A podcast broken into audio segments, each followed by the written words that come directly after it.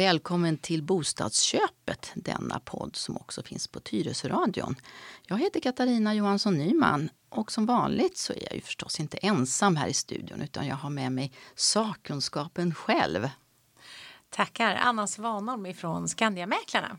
Hallå, hallå Anna! Det är ju ett tag sedan vi sågs nu. Ja, det var länge sedan. Men nu är vi på bana igen. Ja, och jag förstår att det här har varit en ganska intensiv år för dig, eller hur? Ja, eh, det har ju hänt mycket under den här pandemin. Men det vi alla kan vara överens om det är att bostadsmarknaden har inte drabbats av någon pandemi. Man känner att man vill flytta, man vill byta bostad och man vill ha någonting som är lite större. Så vi har haft bråda dagar. Ja, man kan väl nästan säga att den har varit, eller kanske är fortfarande het, överhettad kanske till och med. Ja, det är fortfarande en het marknad. Eh, vi, vi tror att många kanske snart börjar ta lite sommarlov känns det som. Det är inte lika många på visningarna just nu. Nej, och det men kanske, det säljs fortfarande. Ja, och det kanske är bra att det blir lite avsvalnat kanske. Ja, men idag har vi också en gäst här i studion. Välkommen hit, Mats Sjöqvist. Tack, tack. Du är jurist på Mäklarsamfundet. Och jag tänkte börja med att fråga, Mäklarsamfundet, vad är det? Ja du, det kan man fråga sig. Jag har fått lära mig att det är en branschorganisation för fastighetsmäklare som är registrerade i Sverige. Och vi har drygt eh, ett 7000-tal mäklare i Sverige där vi då från Mäklarsamfundet organiserar 86 procent av den kåren.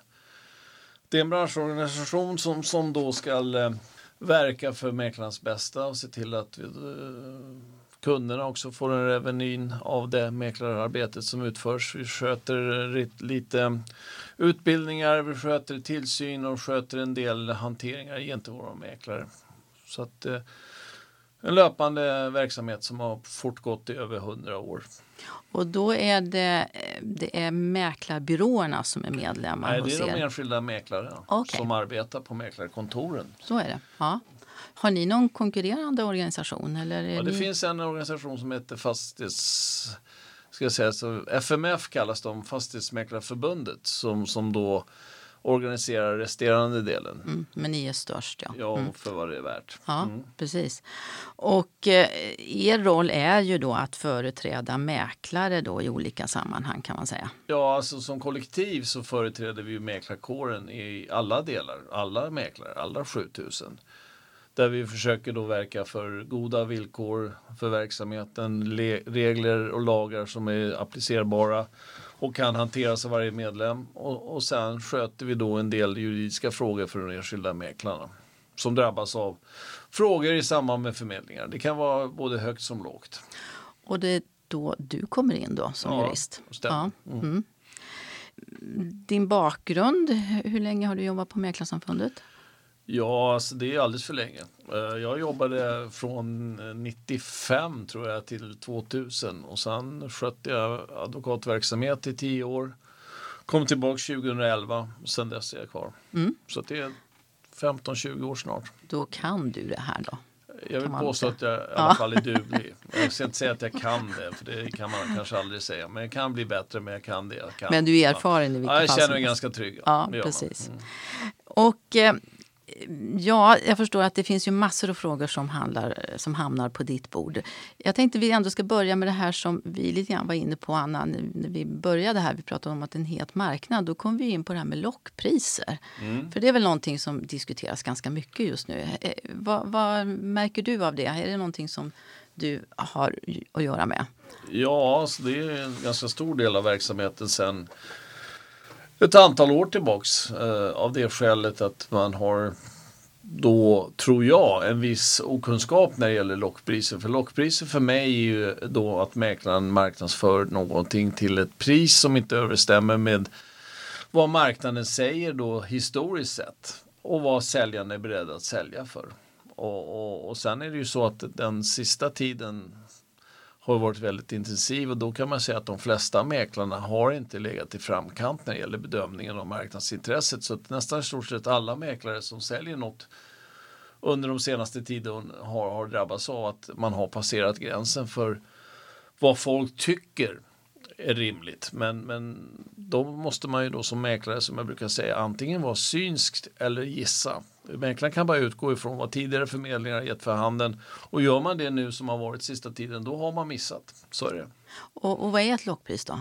Ett lockpris är ju då att mäklaren skulle då marknadsföra en fastighet eller en bostadsrätt till ett pris som vida understiger en rimlig marknadsvärdering.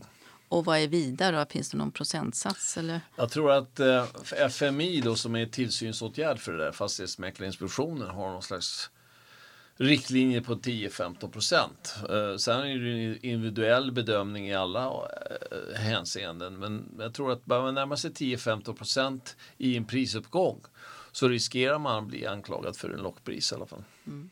Vad säger du Anna? För det här måste ju vara någonting som ni pratar ofta om. Tänker jag ja, på men alltså, det senaste ett och ett halvt åren har ju varit fruktansvärt för oss ur den synpunkten.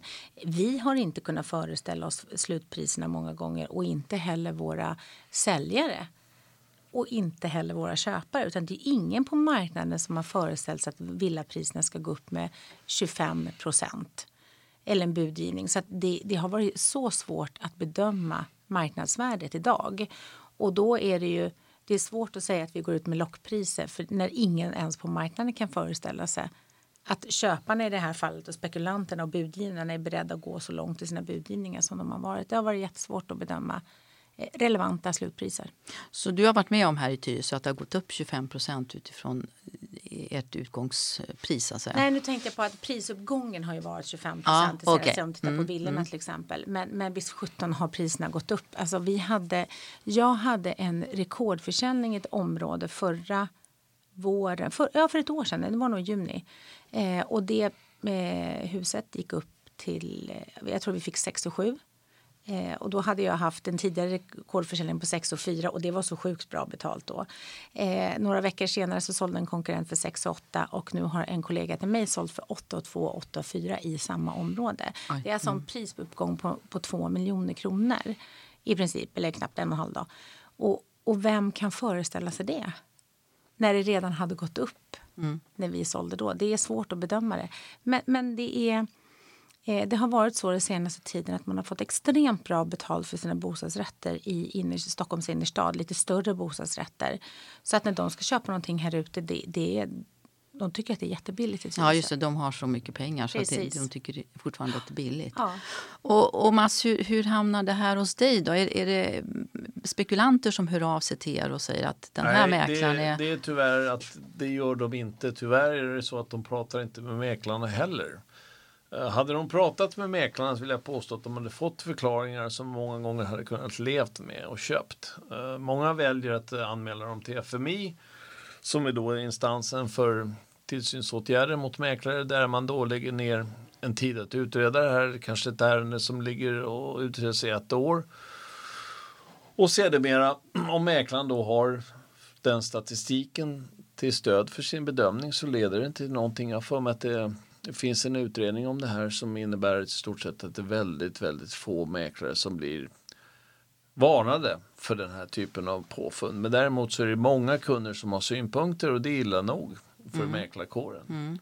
Så att det är ett problem rent hanteringsmässigt och speciellt nu sista åren där jag kan hålla med om vad Anna säger att det är orimligt svårt att vara mäklare och förutse vad slutpriset för en förmedlad bostad ska vara. Och det gäller nog på alla marknader. Jag vill påstå att de största problemen är de som säljer hus i fritidsområden där det inte finns någon begränsning nu. Ingen kan åka utomlands, ingen kan åka till Thailand, ingen kan åka till Spanien utan alla kan köpa då ett fritidshus och alla ska ha det på vilket kostnad det än månde vara. Så att eh, mäklarna som säljer fritidshus det är nog de som har de största problemen med att uppfattas som mäklare med lockpris. Mm. Och jag tänker att just när det gäller fast egendom så måste det ju ibland vara väldigt svårt att sätta rätt pris. Ja, det, För det finns ju det, inte jämförbara objekt. Nej, det kan ju vara så att det, alla fastigheter är unika. Speciellt unika fastigheter som ligger långt ifrån områden med större bebyggelse. Alltså sitter du i ett gruppområde när du säljer liksom 20 fastigheter i samma området under ett visst antal år. Där kan du nog börja likna det vid någon slags bostadsrättsförening när det gäller att bedöma. Men däremot om det något ute i Sörmland som ligger avlägset till där folk från Stockholm bara vill ha det. Mm. Och det finns fler köpare, det drar iväg pris då. Mm. Och du kan inte som mäklare utgå från att den marknaden ska uppkomma och sätta ett för högt pris.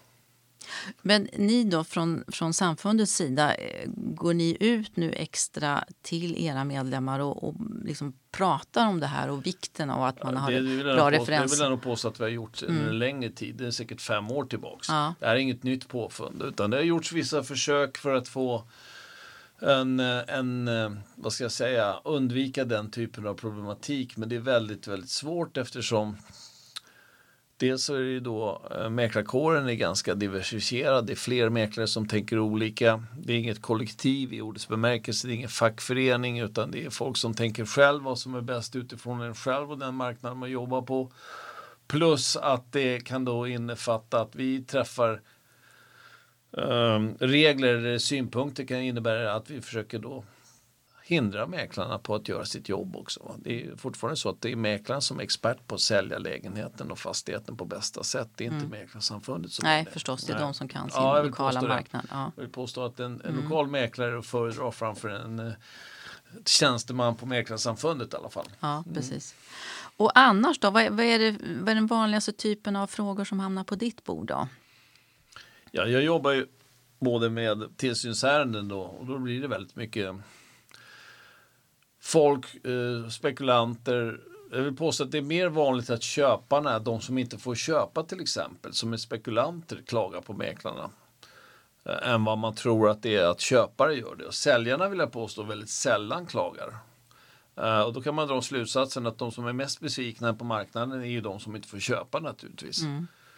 De kan i viss mån känna sig kränkta, förbisedda och det kan då rendera att man kritiserar mäklaren.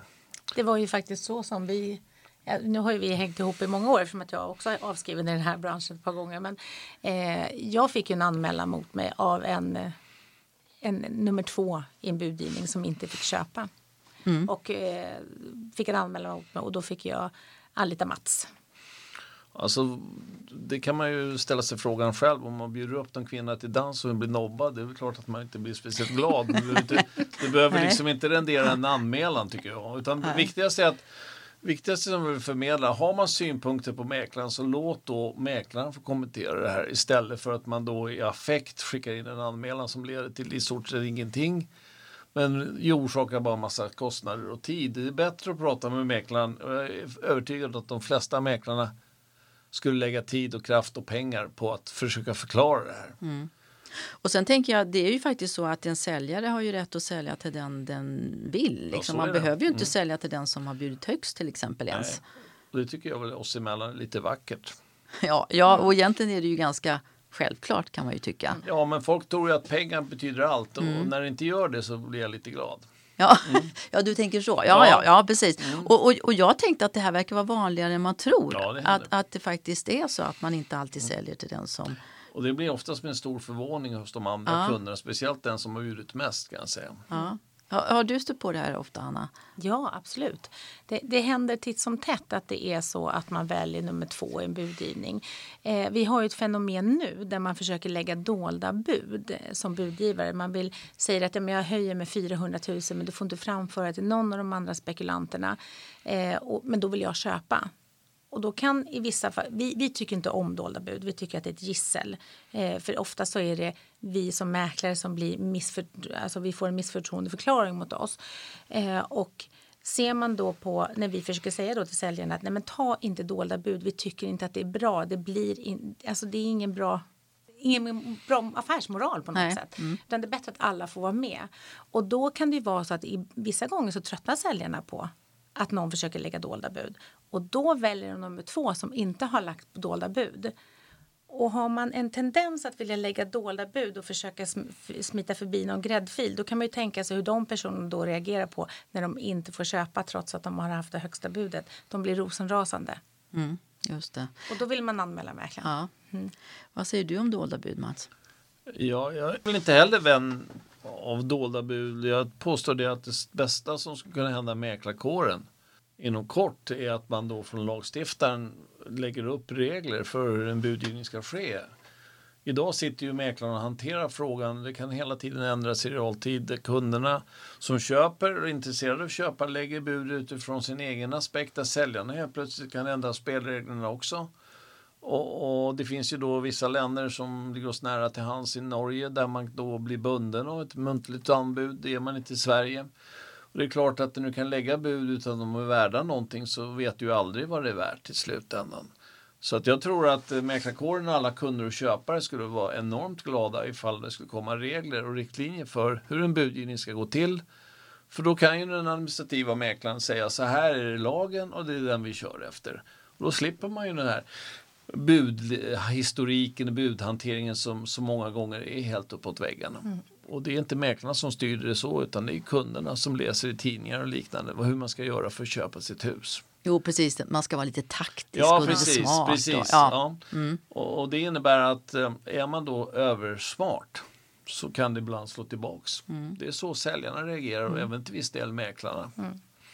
Och jag vet ju du Anna har ju sagt att du tycker att det ska vara så att man, man ska vara bunden av sitt bud. Jag är ju förespråkare för det. Ja. Eh, jag har kollegor som jobbar i innerstan som tycker att jag är helt korkad som tycker på det sättet. För att där har man den processen att det går snabbt och nu har du gjort det här i Tyresö också. Men jag är Eh, tycker absolut att det ska vara så att lagt bud ligger. Vi vill inte ha spekulanter som budar på flera objekt samtidigt och sen vinner man två stycken och hoppar av och så raserar en hel budgivning för den andra. Och det tänker oftast inte säljarna på. Eh, och jag vet att vi har pratat om det här förut, just att man tycker att de kan vara med båda för att trissa upp budgivningen som säljare. Men nej, jag tycker lagt bud ligger. Jag tycker nu är jag ju lite kvartsnorsk så det är kanske därför jag tycker att det känns så bra med de där lackbudligor också. Ja, just det. Men, men Mats, vad tänker du då? Hur, hur, vilka regler tycker du skulle behöva till då? liksom, hur, hur, skulle man styra upp en budgivning? Ja, om man kunde det så skulle jag bli förmögen. Det är min uppfattning. Det, problemet med eh, det här är att det inte är så otroligt enkelt. Och det Anna tänker på nu är ju det att eh, om, om, om man nu skulle säga att eh, muntliga anbud gäller, vem ska bevisa det? Och vem ska kunna styrka det i en domstol? Mm. Och jag är rädd för att Anna får sitta mycket i domstolar framöver om hon har hört det här. Så att eh, om hon skulle tänka lite närmare så kanske det inte är världens bästa idé.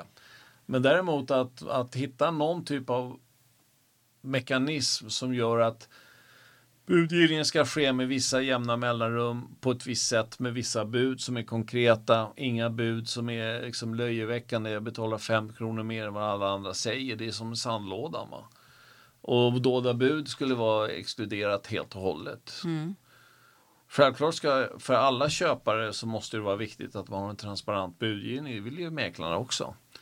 Och en mäklare som säljer till någon kund som bjuder då 400 000 mer än vad alla andra säger och vill inte att man ska berätta det för någon annan.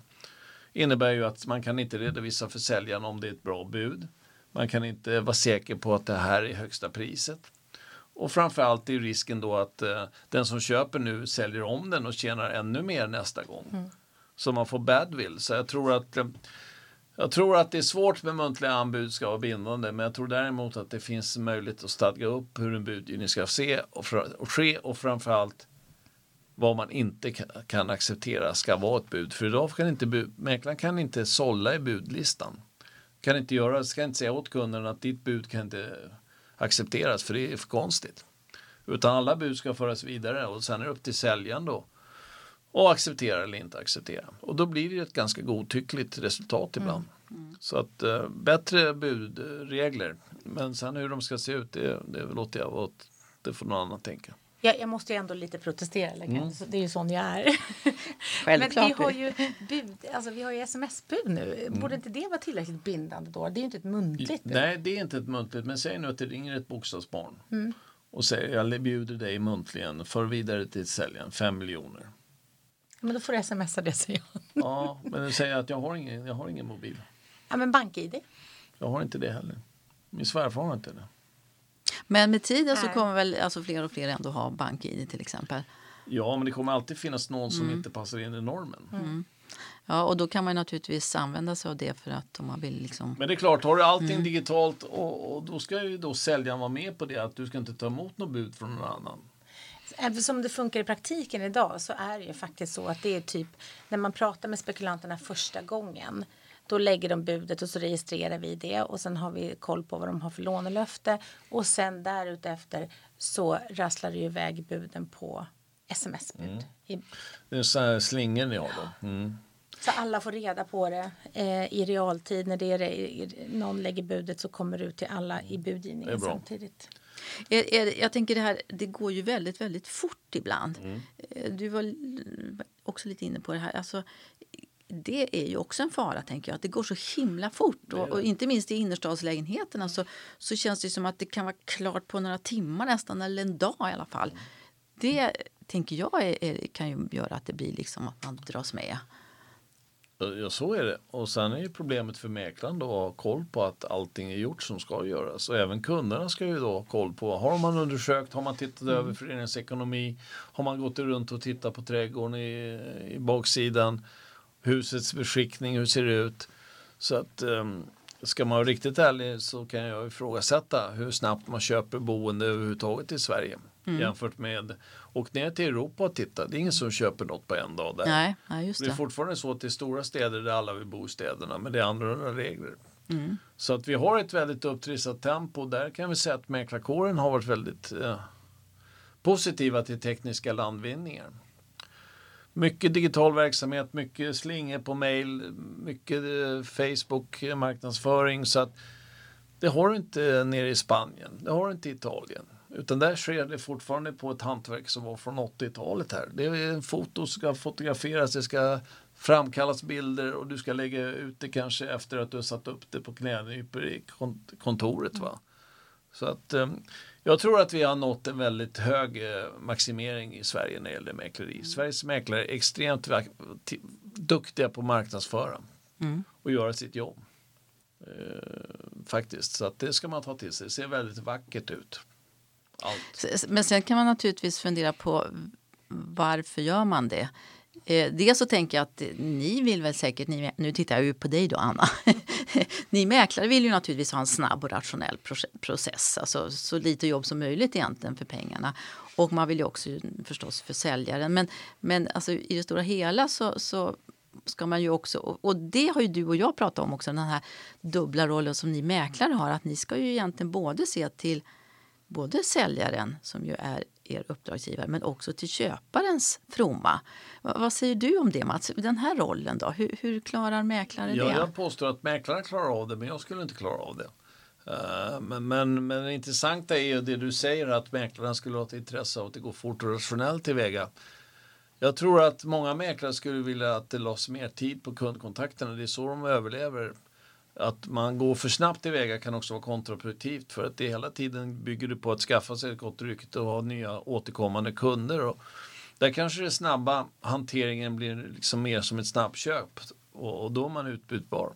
Ja. Så jag tror att de flesta mm. mäklarna, liksom, jag tror att Anna skulle säga att, att prata länge med kunden och visa att man är duktig är värt mycket. Även om man inte kan kapitalisera det direkt utan att det är då långa loppet är någonting som man kan vinna på. Mm. Ja, men det, det, där har du verkligen poäng. Det är jätteviktigt för det är ju faktiskt kundrelationen som är det viktigaste i vårt arbete. Det har vi också varit inne på det här när man har sålt farmors och mammas och barnens lägenhet eller hus och man är generationsmäklare. Och jag skulle säga att de mäklarna som inte bryr sig om sina kunder där går det fort. Mm. Hela tiden fort. De mäklare som bryr sig om sina kunder och känner empati för människorna i försäljningsprocessen i olika situationer var de än befinner sig eh, är också de mäklarna som, som faktiskt eh, jobb, arbetar sig sjuka för att man arbetar så mycket hela tiden. Jag har ett typexempel. Jag hade en kollega som hade visningar. Hon jobbade mellan 8 och 18 i söndags. Det var hennes sjätte arbetsdag den veckan. Halv nio på kvällen när de, hon äntligen då har kommit hem till sina barn och barnbarn och ska få fira mors dag så får hon ett sms och hon, ja, men som man gör, tar upp telefonen. Eh, hur ska vi kunna lägga ett sms eller ett bud om du inte svarar i telefonen? Då är klockan halv nio en söndagkväll. Mm -hmm. och, och då brann det av lite grann för henne. Så hon svarade, jag är jätteledsen att jag inte har svarat men vi firar mors dag. Jag kom hem klockan sex idag. Eller slutade arbetsdagen klockan sex. Jag ringer er imorgon. Sen kom budet in i alla fall på sms. Och det är det jag menar, vi, har, vi vill prata med våra kunder. Och vi gör gärna det och vi tar gärna tiden. Men ibland har vi också kunder som tror att vi har öppet, att vi är 7-Eleven. Och vi ska ha öppet, eh, alltså, ja egentligen hela tiden.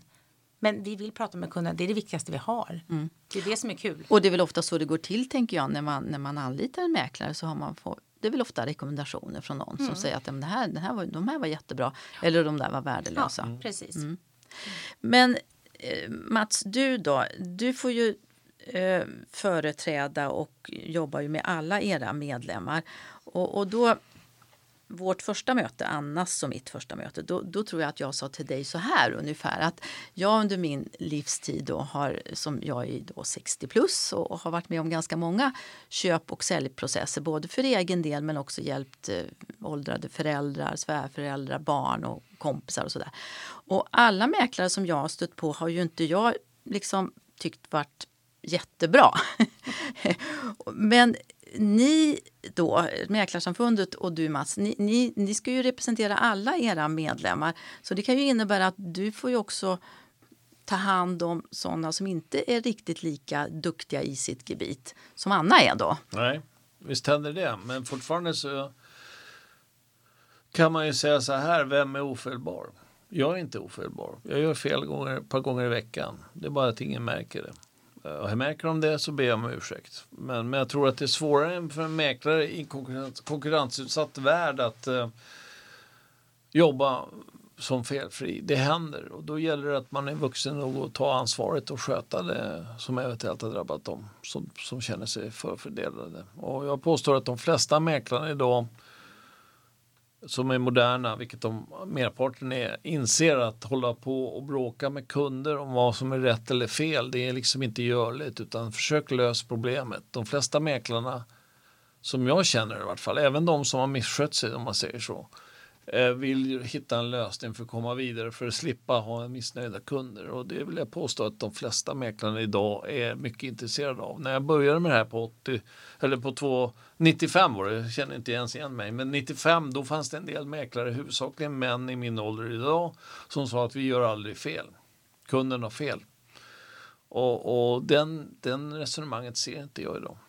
Nej, men det känns ju ändå tycker jag som att mäklare har blivit mer professionella idag jämfört med för kanske 20 år sedan. Det vill jag påstå. Det har väl huvudsakligen också med att de flesta mäklare idag jobbar under marknadsvarumärken där, där det finns krav även från företaget internt. Så att det går liksom inte att hantera saker och ting oprofessionellt. Och det har gagnat mäklarkåren, det har gagnat kunderna. Mm. Och högskoleutbildningen har säkert Dessutom, bidragit en del också. Mm. Precis. Och, och missköter man sig inom situationstecken då kommer man förr eller senare bli utkastad. Och när jag pratar om missköter sig det är då man drabbar kunderna av ekonomisk skada av kriminell art. Va? Man ska inte stjäla pengar av kunderna och de mäklarna finns inte kvar idag. Och tack och lov så är det väldigt få som har gjort det historiskt i mina år.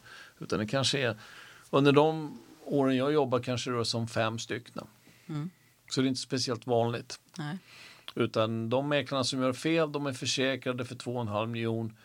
Och det händer ibland att man medger och löser de problemen och då är liksom saken ordnad. Mm.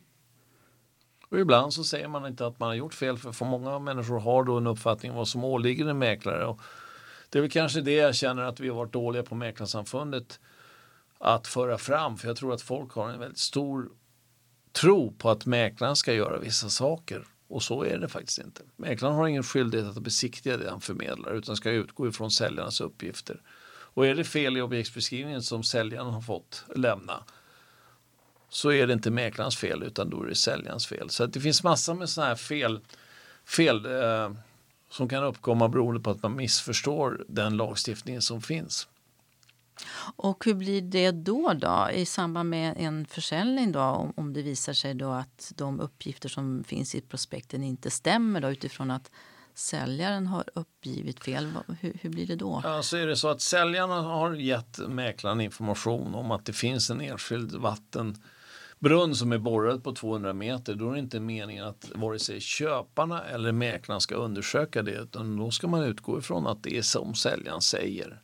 Och är det inte så så är det ju säljaren som har fått pengarna för försäljningen som får ta ansvaret. Mm. Då kan det bli en process ja. mellan köpare och säljare. Jag påstår att mäklaren kommer inte betala något skadestånd för det. Nej. Så man kan inte ta det som en vitbok, den objektsbeskrivningen, att det är kontrollerat av mäklaren. För det står oftast i objektsbeskrivningen också att det hänför sig till uppgifter som säljaren har lämnat. Mm. Och jag vill påstå att rätt mycket av de tvisterna jag är inblandad i beror på att kunderna har en felaktig uppfattning om lagstiftarnas krav på mäklarna. Sen tror jag också att det är enklare att bråka med en mäklare som har en ansvarsförsäkring där man så att säga inte har den emotionella kopplingen som man har till en säljare. Det är tråkigt att behöva bråka med säljaren. Hur kul kan det vara? Klart det är värdelöst. Lättare att mäk ta mäklaren då som inte drabbas av någon kostnad för det här. Även om de har en självrisk så är det inte samma pengar som, som beloppen avser. Ja, just det. Anna, du berättade initialt här när du hade varit tvungen att anlita Mats. Då. Eh, men eh, händer det ofta annars att, att eh, du eller dina kollegor ringer till, till Mäklarsamfundet för att stämma av olika frågor kring juridiken och sådär? Ja, men alltså, jag har ju en, en syn på saken och det är ju att ring hellre en gång för mycket till juristerna på samfundet än en gång för lite. Eh, och jag kan tycka att mina yngre kollegor har Eh, vi har alla stor respekt för, för, för Mats och hans kollegor. Men jag tycker att de har för stor respekt ibland att de inte vill ringa om små saker. Mm. Och jag ringer om allt kan jag säga, fast jag har jobbat så länge. Så fort du känner dig osäker? Så fort jag känner mig mm. osäker så ringer jag. Och ibland så ringer jag ju faktiskt bara för att få bekräftat att mina tankar är rätt och att jag, att jag tänker i rätt banor. Och då blir man ju lite stolt och nöjd och kan ju tycka att det var väl värt att ringa dit och få bekräftat att man inte är helt eh, tokig. Eh, men jag tycker att man ska ringa. Vi, vi har ju möjligheten att nyttja juristerna och jag tycker att det är fantastiskt bra hjälp vi får. Mm. Så att jag tycker man, vi ringer, ja alltså från vårt kontor, alltså vi ringer flera, absolut säker på att vi ringer flera gånger i veckan. Nu är vi väldigt stora och många mäklare så det är inte så konstigt men, men vi, eh, vi ringer ett par gånger i veckan. Mm. Det, alltså det är mycket komplexa frågor som kommer. Nej, men vi hade så sent som idag så hade vi ett ärende där det är en arvsfråga där vi har en fond som ska få ärva mm, hälften av fastigheten vid försäljning och sen en privatperson. Hur går vi tillväga då? Så det är mycket sådana saker som vi inte jobbar med dagligdags som vi kanske måste ringa och kontrollera. Precis, för det läste jag faktiskt häromdagen att om man har någon som man vill, sån här stiftelse eller så, som man vill ska ärva så är det bättre att skriva beloppet än att skriva en andel för då blir de liksom eh, dödsbodelägare kan de bli. Det var precis så det är i det här fallet. Och det lät ju mm. jättekomplicerat och det tänkte jag att det måste ju vara många som inte tänker på det. Mm. För det vill man ju inte kanske som barn eller, eller släktingar behöva hålla på och bråka med inte vet jag, Läkare utan gränser. Ja, eller vilka det nu kan vara. Mm, mm. Ja, precis. Men vilken, vilken fråga är det vanligaste som, som du får då skulle du säga Mats? Alltså det går inte att säga vanligast. Jag vill påstå att det är en uppsjö av olika frågor. Så att, eh, återigen, det har varit mycket lockpriser. För det besvärar ju mäklarkåren i dessa tider som mm. har varit sista tiden. Så det har varit mycket lockpriser där folk eh, faktiskt vill jag påstå mår dåligt när det går bra. Alltså normalt sett ska mäklaren vara nöjd när kunden har fått mycket betalt. Men det är tyvärr så att det är kontraproduktivt nu. Nu börjar mäklaren må dåligt när kunden mår dåligt. Och det känns inte så jävla tilltalande. Men eh, det är allt från högt till lågt. Och mm. eh, 7000, vi har ju då 5000 mäklare lite drygt och de gör ju ett antal affärer per år. Va? Så att eh, det är högt som lågt. Konstaterar att eh, det finns ingen mäklare som aldrig kan slå sig för bröstet och säga att de aldrig kommer ha missnöjda kunder för det är omöjligt. Om du tittar på en mäklare som säljer kanske 40 fastigheter per år så ska ju den mäklaren vara ansvarig och ha god relation med både köpare och säljare och tilltänkta köpare. Det kan vara hundra, hundra stycken som man då ska framstå som en begåvad människa för. Mm. Och eh, att man har en dålig dag en viss dag kan då vara förödande. Så att eh, jämfört med en advokat som, som jag har varit då där man egentligen bara ska tycka om sin egen huvudman och kan vara överjävlig mot alla andra det är nästan affärsidén att jag det ska vara det. det, det, ja, då är det ännu bättre. Eh, och har du kunder som klagar på det så ska det vara motparten. Då har du lyckats. Mm. Men en uh, mäklare ska ha alla som kompisar. Och det säger sig självt att det är en svår uppgift. Så har du sålt fyra, 40 fastigheter med kanske 60 intressenter på så är det ett stort antal per år som kan känna sig kränkta och besvikna. Mm. Tyvärr. Så det är en ganska omöjlig uppgift om man ska vara ärlig. Ja, ja och, och, under det här året som har varit nu när det har varit extremt många spekulanter på våra visningar eh, och vi har då fått haft slottider för vi kan inte ha hur många som helst i, i bostaden samtidigt. Och det har varit extremt långa arbetsdagar. Visnings, alltså normalt sett så har vi kanske 45 minuter, en timme på en villa. Nu kan det vara frågan om om det är många anmälningar då kan vi haft en villavisning på tre timmar. Och det är klart, jag tror att i år så har mäklarna fått känna på ännu mer kanske missnöjda kunder. För, för det är också mycket annat som har berört människor under det här året. Pandemin. Som, och någonstans ja. så tar ju det sig uttryck. Mm. Samtidigt som jag också kan känna att vi har fått väldigt, väldigt mycket eh, cred i år. För att vi har haft slottider, vi har tagit vårt ansvar. Vi har Alltså här snackar man verkligen om att vi ställer inte in, vi ställer om. Är det någon som har varit rädd för att bli smittad, ja men då har vi åkt ut. Antingen har de suttit i sin bil och det har varit visir och munskydd och handskar och in med papperna i bilen och de har skrivit på. Och jag känner att vi har verkligen gjort vad vi har kunnat. Och vi har fått eh, bevis för, för många kunder som har tackat oss för att vi har ställt upp så himla mycket. Ja, och det, och det är ju nästan en förutsättning tänker jag för att står man i den situationen som man liksom måste sälja även nu när det var pandemin så mm. är det ju fantastiskt att det går att lösa ändå. Ja. Jag tänkte ändå fråga dig Mats om du inte har lite roliga, roliga anekdoter som du kan berätta. Du måste ju ha stött på massor av spännande och, och tokiga historier. Ja, jag, jag, har ju det, men problemet är ju den, dels är jag gammal och har ingen minne kvar. Sen är det väl så att en del av de här ärendena kanske man då ändå måste respektera de kunderna man har haft. Va? Så jag har svårt att se potentiellt. Det, det man tycker är roligt är, som ombud, det är då man kan liksom en mäklare vara nöjd hos båda parter. Det vill säga att man hittar en lösning som gör att mäklaren är nöjd och kan gå vidare i livet och sen att de som var missnöjda också känner att de har fått någon rättskipning, kompensation eller ett bemötande som, som gör att man är nöjd. Men, men mm, du vet, jag har ju biträtt säkert 1500 mäklare. Det finns ingen som...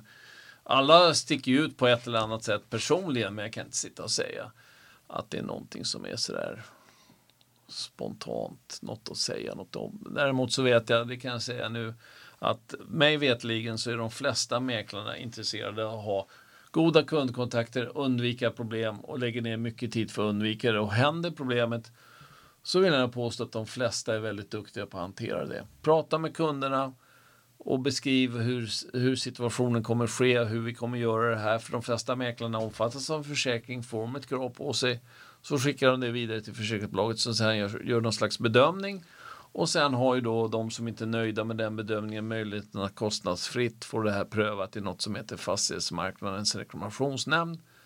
Som då kostnadsfritt hanterar den här frågan. Också till skillnad från Allmänna reklamationsnämnden tidigare faktiskt ibland beslutar då att pengar ska betalas ut.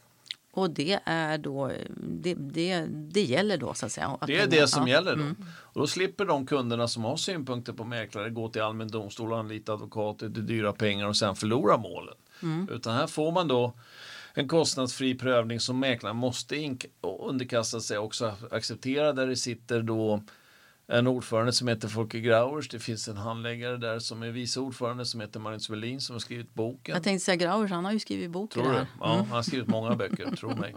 Uh, han lever än och har hälsan och sköter det här. Sen finns det då tre mäklare som representerar branschen och sen finns det då tre konsumentintressen. Uh, de avgör då ett antal sådana här mål och det vill påstå att det är alltså möjlighet för kunderna att få rätt även om då försäkringsbolaget säger nej. Och jag tycker att det är ett väldigt väl system både för kunden och för mäklarna för det innebär att man får ett snabbare avgörande som man då får rätta sig efter. Mm. Det låter ju mm. tryggt mm. faktiskt. Ja, det känns att det ja. var en väldigt bra situation. Speciellt för mäklarkåren där man kan säga att den lokala mäklaren på en liten ort naturligtvis inte tycker det är kul att sitta i tingsrätten och hålla på med det här inför offentligheten. Utan det här sker då mer i, i, i något som inte media gillar i det stängda rummet. Just det. Mm. Med allt vad det innebär. Eh, det, det jag har funderat på lite grann nu, vi har ju ändå en politiker nu som har köpt ett hus som hon kanske inte får tillträda. Vad har du för syn på det med Ebba Busch? Tor. Nej, hon heter Busch Nej, numera. bara Ja. Busch. Ja, precis. Koppla av Tor. Ja, hon, hon är ju en offentlig person så det kan vi ju prata om. Ja, henne har inga problem att Nej, ta. för det är lite intressant att se. Ja. Ja. för det, Ja, sådana mål har jag varit med om tidigare också. Och då, då är det ofta så att har vederbörande något läkarintyg på att man inte är med i matchen, man är liksom inte tillförräknelig, då har man oftast nackdelen som köpare att man förlorar den typen av mål. Men jag är inte så säker på att han, den här äldre herren var så pass dålig. För att i steg ett så är det ju så att eh, han är inte döende åldersmässigt. Han visste ändå vad fastigheten var och priset som han har betalt till, till yttermera visso. Jag har själv sett huset. Jag tycker inte det var speciellt mycket att köpa men, men Ja, det ser, ser ju ganska rassligt ganska rassligt Ja. ut. Och det ska Mm, petas in lite pengar. Det är ju klart att en riksdagspolitiker och statsråd har råd med det. Men, men eh, jag tror att hon kommer vinna det där. Det är vad jag tror. Sen är det frågan om är det moraliskt förkastligt att bråka med gammal farbror. Ja, kanske man tycker. Men fortfarande gamla farbröder bör väl också rättas efter lagen.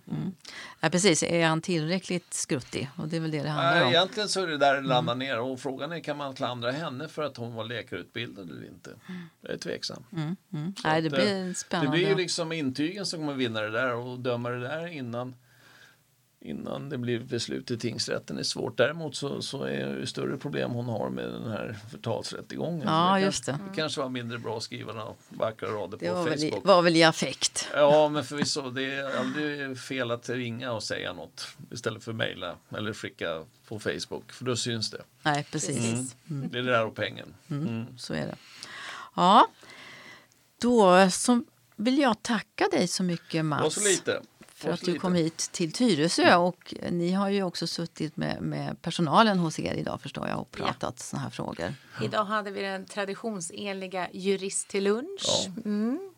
Inte, sitter inte och- macka till lunch utan jurist till lunch. Ja, nu vet jag inte Det är riktigt om det var så. Jag tror vi åt något också. Ja. ärlig. Eh, nej men, och det är jättekul och eh, det, det är så roligt när man bjuder in Mats och så blir alla så här, åh vad roligt. Och en av tjejerna på kontoret skulle iväg till Kista och ta första vaccinationssprutan idag. Hon bara, nej jag kan inte vara med. Och det är, nej det är otroligt uppskattat. Vi tycker det är jättekul. Och lärorikt ska vi säga också. Mm, det blir ju en form av fortbildning för personalen och så. Vi, vi har ju två från Mäklarsamfundet som vi brukar ha hos oss på kontoret och det är Mats och sen har vi Magnus Bäckström som är Tyresöbo och som vi kommer snart få möta här även här i podden. Ja, jättetrevligt. Ja, då säger vi tack så mycket och eh, så ska vi gå ut i försommarvärmen. För det här är ett program som kommer att ligga på vår slinga hela sommaren som man kan lyssna till. Tack och hej! Och tack. Tack så mycket. Hej då!